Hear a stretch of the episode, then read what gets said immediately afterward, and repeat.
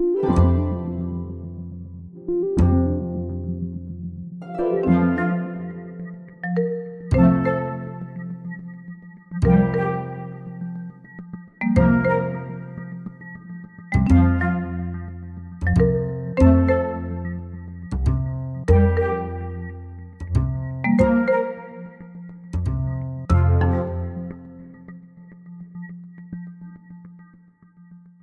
lyssnar på Försäkringssnack, en podd av Svensk Försäkring och nu ska det handla om det grundläggande.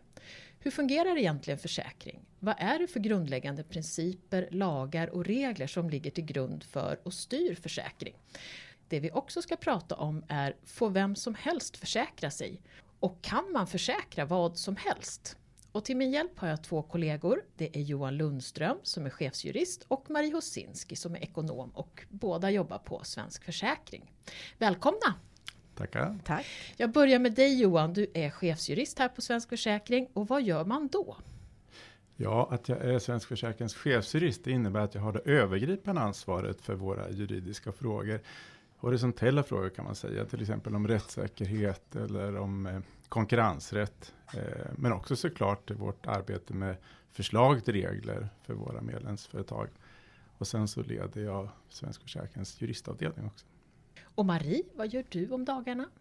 Jag arbetar bland annat med olika aspekter rörande personförsäkringar, främst då före köp. Det innebär till exempel frågor om hur försäkringsföretagen riskbedömer och sätter premier. Så grunden för försäkring, vad är den? Ja, man skulle kunna säga att för en individ, för dig eller mig, så är försäkring ett sätt att begränsa sina risker. Eh, du slipper till exempel själv och oroa dig för att du ska behöva betala hela kostnaden. Det kan ju vara miljontals kronor. Om du skulle ha sån otur att hela ditt hus brinner ner, ditt boende förstörs. Och för kollektivet, det vill säga alla vi som eh, försäkrar samma sak, till exempel risken för att vi råkar ut för en olycka, då är försäkring ett sätt att fördela flera likartade risker mellan många olika individer.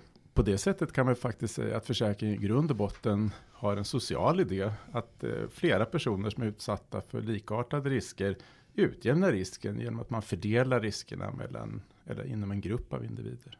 Så man betalar liksom in en pott kan man ju säga som sen ska fördelas ut till de andra som också är försäkrade i samma pott. Ja, så kan man Så. säga. Och hur beräknar man då den här premien? Ja, nu kan det ju bli knepigt, men jag ska försöka förklara. Eh, Som en utgångspunkt så kan man säga att varje försäkringstagares premie ska grunda sig på en beräkning av risken för skada. Och i praktiken så använder sig varje försäkringsföretag av både vetenskapliga metoder och erfarenheter från tidigare år. Det vill säga statistik helt enkelt. Och på så sätt så ska de så noggrant som möjligt beräkna risken för att den oönskade händelsen inträffar. Oavsett om det är en brand eller en trafikolycka eller en sjukdom. Och risken den beräknas för varje försäkringstagare. Och det innebär i sin tur att eh, ju större kollektiv av försäkringstagare, desto mera exakt så går det att beräkna sannolikheten för att en viss händelse ska inträffa. Eh, den här riskbedömningen som jag pratade om nu, den innebär ju också att kunder inom en och samma riskgrupp, de ska behandlas enhetligt. Som man säger, det vill säga en enskild kund ska inte be behandlas sämre än en annan kund i en jämförbar situation. Och det här som jag sa nu, det är förklaring till exempel till att unga personer generellt har en högre premie för sin trafikförsäkring än andra trafikförsäkrade. Statistiken visar helt enkelt att risken för skador, det vill säga trafikolyckor då, de är större inom den gruppen av försäkrade, de unga. Ehm, sen kan jag samtidigt peka på att eh, ovanliga risker, ja, närmast unika risker, vi kan tänka oss en professionell fotbollsspelare som skadar sina väldigt värdefulla ben, eh, kan gå att försäkra i och för sig, men då blir premien jämförelsevis hög eftersom underlaget för att beräkna eh, risken för att det här ska inträffa då är mer osäkert. Men hur länge har försäkring funnits då? Försäkringen har funnits en hedenhös skulle jag på att säga. Eh, tack och lov så växlar ju behoven över tid om vad som behöver försäkras. Eh, jag vet att jag läst att eh, filosofen Aristoteles eh, ska ha påtalat att det funnits försäkringsbolag för slavförsäkring på den tiden. Historiskt så var sjö och annan transportförsäkring eh, vanligt, bland annat i Venedig i Italien. Och eh, jag vet också att jag läste att redan för den romerska armén så insåg man att det var en god idé att ha pensionsförsäkringar. Faktiskt. Det är ju helt otroligt egentligen. Visst är det. Det är väldigt... En gammal sak. gammal en sak. klok sak. Ja. Ja. som alltid har behövts med andra ord för oss människor. Och i Sverige så kom under tidig medeltid eh, det man kallade brandstoder. De började regleras mm, på 1200-talet i olika landskapslagar i olika delar av landet och, och på 1300-talet sen så kom de omfatta hela landet. Om brandstod, det var helt enkelt en försäkring som innebar att varje jordbruksägare eller motsvarande inom ett visst område skulle ge ersättning till de som drabbats av en brandskada eh, inom det närmaste området. Så man delade på riskerna på det sättet. Då. Men, men då kan man ju verkligen säga att eh, försäkring det är ju en förutsättning för ett fungerande modernt samhälle då. Ja, det, det kan man verkligen säga. Försäkringen skyddar som sagt enskilda personer och företag mot i synnerhet de ekonomiska konsekvenserna av plötsliga och oförutsedda händelser som man brukar säga. Och på det sättet så kan både personer och företag förändras och utvecklas på ett sätt som kanske annars inte hade varit möjligt. Eh, vi enskilda individer till exempel, vi vill till exempel kunna planera och utveckla våra liv på olika sätt. Bilda familj, köpa bostad, slippa vara orolig för eh, brand i bostaden eller, eller inbrott och stöld. Ehm, vi behöver skydd vid olyckor i vardagen och vi vill ha trygghet till hands när vi reser utomlands till exempel. Och om det var vi individer, så om vi tittar på företag så ska ju de på motsvarande sätt kunna startas och utveckla sina verksamheter med mindre risk i vart fall för att plötsliga oförutsedda händelser av olika slag ska sätta hinder i vägen helt enkelt. Sen kan man också konstatera att i takt med att vårt samhälle förändras, moderniseras på olika sätt så utvecklar försäkringsföretagen försäkringar för nya fenomen och nya situationer i samhället. Ett exempel på det är förstås vårt eh, digitaliserade samhälle. Eh, det kräver nya försäkringslösningar för till exempel automatiserade bilar, cyberhot och så vidare. Eh, riskerna blir nya och utvecklas och då behöver också försäkringarna förändras.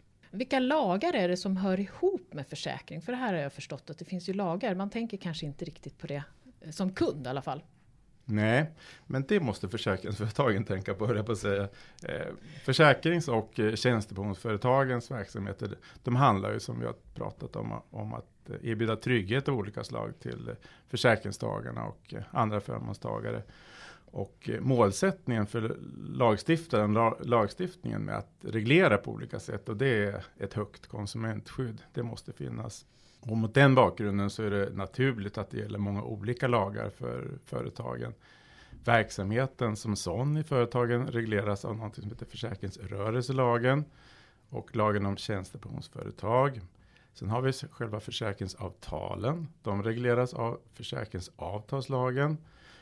Rådgivning och försäljning, alltså helt nära kunden, eh, regleras av lagen om försäkringsdistribution. Listan börjar bli lång. Ja, den är lång. Vi kan konstatera att vad är en pensionsförsäkring? Ja, det regleras av inkomstskattelagen. Eh, Det här är bara några exempel. Som jurist så skulle jag kunna hålla på att göra den här listan väldigt lång. Så att eh, mycket reglering Mycket är att hålla det. reda på. Och ska det vara. Men varför är det då så mycket reglering kring just försäkring? Ja, som sagt, jag höll på att säga, mycket reglering ska det vara. Det är naturligt i, i bemärkelsen att eh, syftet är ju som sagt att upprätthålla och hålla ett högt konsumentskydd. Det är det regleringen är till för. Och företagens verksamheter är helt enkelt så komplexa att eh, det är många olika frågor som måste regleras på olika sätt i olika lagstiftning. Sen kan jag ju konstatera att det mesta av regleringen för försäkrings och tjänstepensionsföretag beslutas i Bryssel numera på EU-nivån. Så ibland skulle jag nog vilja säga att EU-lagstiftaren är lite mer klåfingrig, lite mer mångordig kanske med att reglera än vad den svenska lagstiftaren hade var om den hade fått bestämma allt helt själv. Och med alla de här reglerna och skydden, är det därför det är så långa och som en del tycker krångliga villkor på försäkringar? Ja, det här har ju som jag ser det med, med just det här höga konsumentskyddet att göra som vi pratade om. Alltså syftet med att de här villkoren är så långa och detaljerade. Det är ju att det ska vara i grund och botten tydligt och förutsägbart både för försäkringsgivaren och för kunden vad som gäller om det här plötsliga och oförutsedda skulle hända. Branden, olyckan och så vidare. Täcker då försäkringen det som har hänt eller inte? Och hur mycket ersättning ska betalas ut? Det är ju det villkoren reglerar så att säga, och handlar om. Om istället försäkringsvillkoren hade varit eh, mer kortfattade och oprecisa, då hade det med all säkerhet, skulle jag bedöma, blivit mer diskussion, mer meningsskiljakter och tvister mellan kund och försäkringsgivare i, i långt fler situationer. Eh, ett tips skulle jag säga när, när, vi pratar om det här, det är ju att eh, man som enskild kund innan man tecknar försäkringen tittar på den information som man ska få som kortfattat beskriver vad täcker försäkringen, men också vad täcker försäkringen inte. Om ja. det är något speciellt som man tänker på så ska man faktiskt få kortfattad information innan man tecknar försäkringen. Det är nog det där inte som är det viktigaste.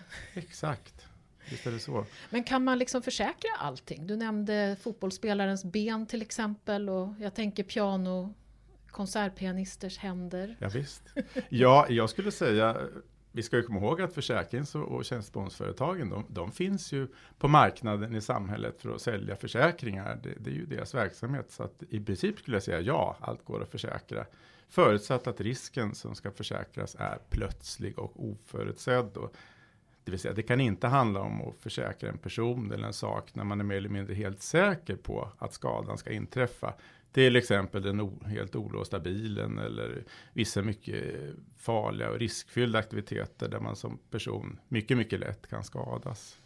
Och det är väl därför man kanske har extra tilläggsförsäkringar och sånt om man ska göra något extravagant, eh, bestiga berg eller annat. Det kan man ha, det kan finnas sådana försäkringar, men återigen, eh, riktigt, riktigt allt går inte att försäkra, men det allra, allra mesta. Men då Marie, kan vem som helst få en personförsäkring? Ja, tyvärr så går det ju inte att svara med ett enkelt ja eller nej, utan det är lite mer komplext. Målet är ju självklart att eh, du som individ ska få ett så bra försäkringsskydd som möjligt utifrån dina förutsättningar. Men samtidigt måste man komma ihåg att man inte kan få ersättning för en sjukdom eller skada som man har symptom på redan när man ansöker om försäkringen. Försäkringsbolaget kan också neka dig en försäkring om man bedömer att det finns en ökad risk för att någonting ska drabba dig så att man behöver betala ut större ersättning än normalt. Om du redan har en sjukdom eller en skada när du ansöker om en försäkring kan försäkringsbolaget bedöma att risken för att du i framtiden ska drabbas av något är högre än annars än normalt. Och då kan bolaget erbjuda, erbjuda dig att teckna försäkringen men med ett undantag för just den sjukdomen eller skadan. Och det kan ju också hända att försäkringsbolaget erbjuder dig försäkringen men att du får betala mer, betala en högre premie eh, eftersom priset på försäkringen inte räcker för att täcka den högre risken. Det finns ett väldigt komplicerat begrepp här som heter kontraheringsplikt. Vad är det egentligen? Ja, sedan 2006 så har vi en så kallad kontraheringsplikt inskriven i den för svenska försäkringsavtalslagen som Johan precis nämnde. Och den här plikten den kom till just för att säkra att svaga grupper skulle kunna teckna försäkring. Och den här kontraheringsplikten innebär att ett försäkringsbolag endast kan neka någon att teckna försäkring om det finns så kallade särskilda skäl. Och det innebär rent praktiskt att om till exempel en canceröverlevare inte längre har en förhöjd risk att avlida på grund av cancerdiagnosen så får försäkringsbolaget inte neka till exempel livförsäkring som faller ut vid dödsfall på grund av att personen tidigare har varit sjuk i cancer. Det låter ju väldigt bra. Så hur skiljer det sig mot Europa till exempel? Här i Sverige så är vi unika med en kontraheringsplikt. Vi känner inte till något annat land som har en sådan plikt. Men samtidigt så måste man komma ihåg att om man har bestämt sig för att man vill teckna till exempel en barnförsäkring så är det väldigt viktigt att man skickar in en ansökan om en försäkring tillsammans med en så kallad hälsodeklaration. Så att försäkringsbolaget kan göra en bedömning. För om du inte har ansökt om försäkring så gäller inte kontraheringspliktens regler. Du nämnde barn där. Är det någon skillnad på barn och vuxna? Nej, den här kontraheringsplikten fungerar på samma sätt för både barn och vuxna. Och hur ska man då göra om man får ett nej att teckna försäkring?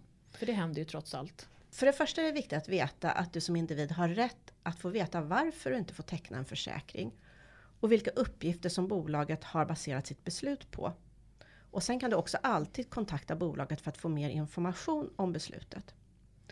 Men är du ändå inte nöjd så kan du be försäkringsbolaget att ompröva ditt ärende. Och sedan kan du också gå vidare till en nämnd, den så kallade personförsäkringsnämnden för att pröva ditt ärende. Men kom ihåg att se till att du har en försäkring under tiden. Ofta så erbjuder försäkringsbolaget en annan kanske enklare försäkring än du har ansökt om. Då är det bra att du tecknar den eller att du ansöker om försäkring hos ett annat bolag. Två försäkringsbolag kan komma fram till olika beslut. Men kom ihåg att om du går vidare och ansöker hos ett annat bolag, att du under tiden fram till att du har tecknat försäkring hos det bolaget inte har ett skydd. Så det, man ska tänka på att ha ett skydd under tiden? Precis, under tiden man får sitt ärende prövat i personförsäkringsnämnden. Se till att du har tecknat någon form av försäkring. Och sedan i sista hand så kan du gå till domstol. Om man vill veta mer om det här Marie, var ska man kika då? Då kan du gå in på vår hemsida och leta reda på våra faktablad. Har jag alltid rätt att få den försäkring som jag har sökt? Vi lägger en länk också i avsnittsinformationen så blir det lätt att hitta. Du har lyssnat på Försäkringssnack med Johan Lundström och Marie Hosinski på Svensk Försäkring och mig Ulrika Loob. Har du tankar eller idéer om ämnen vi borde ta upp så tipsa oss gärna på info svenskforsakring.se.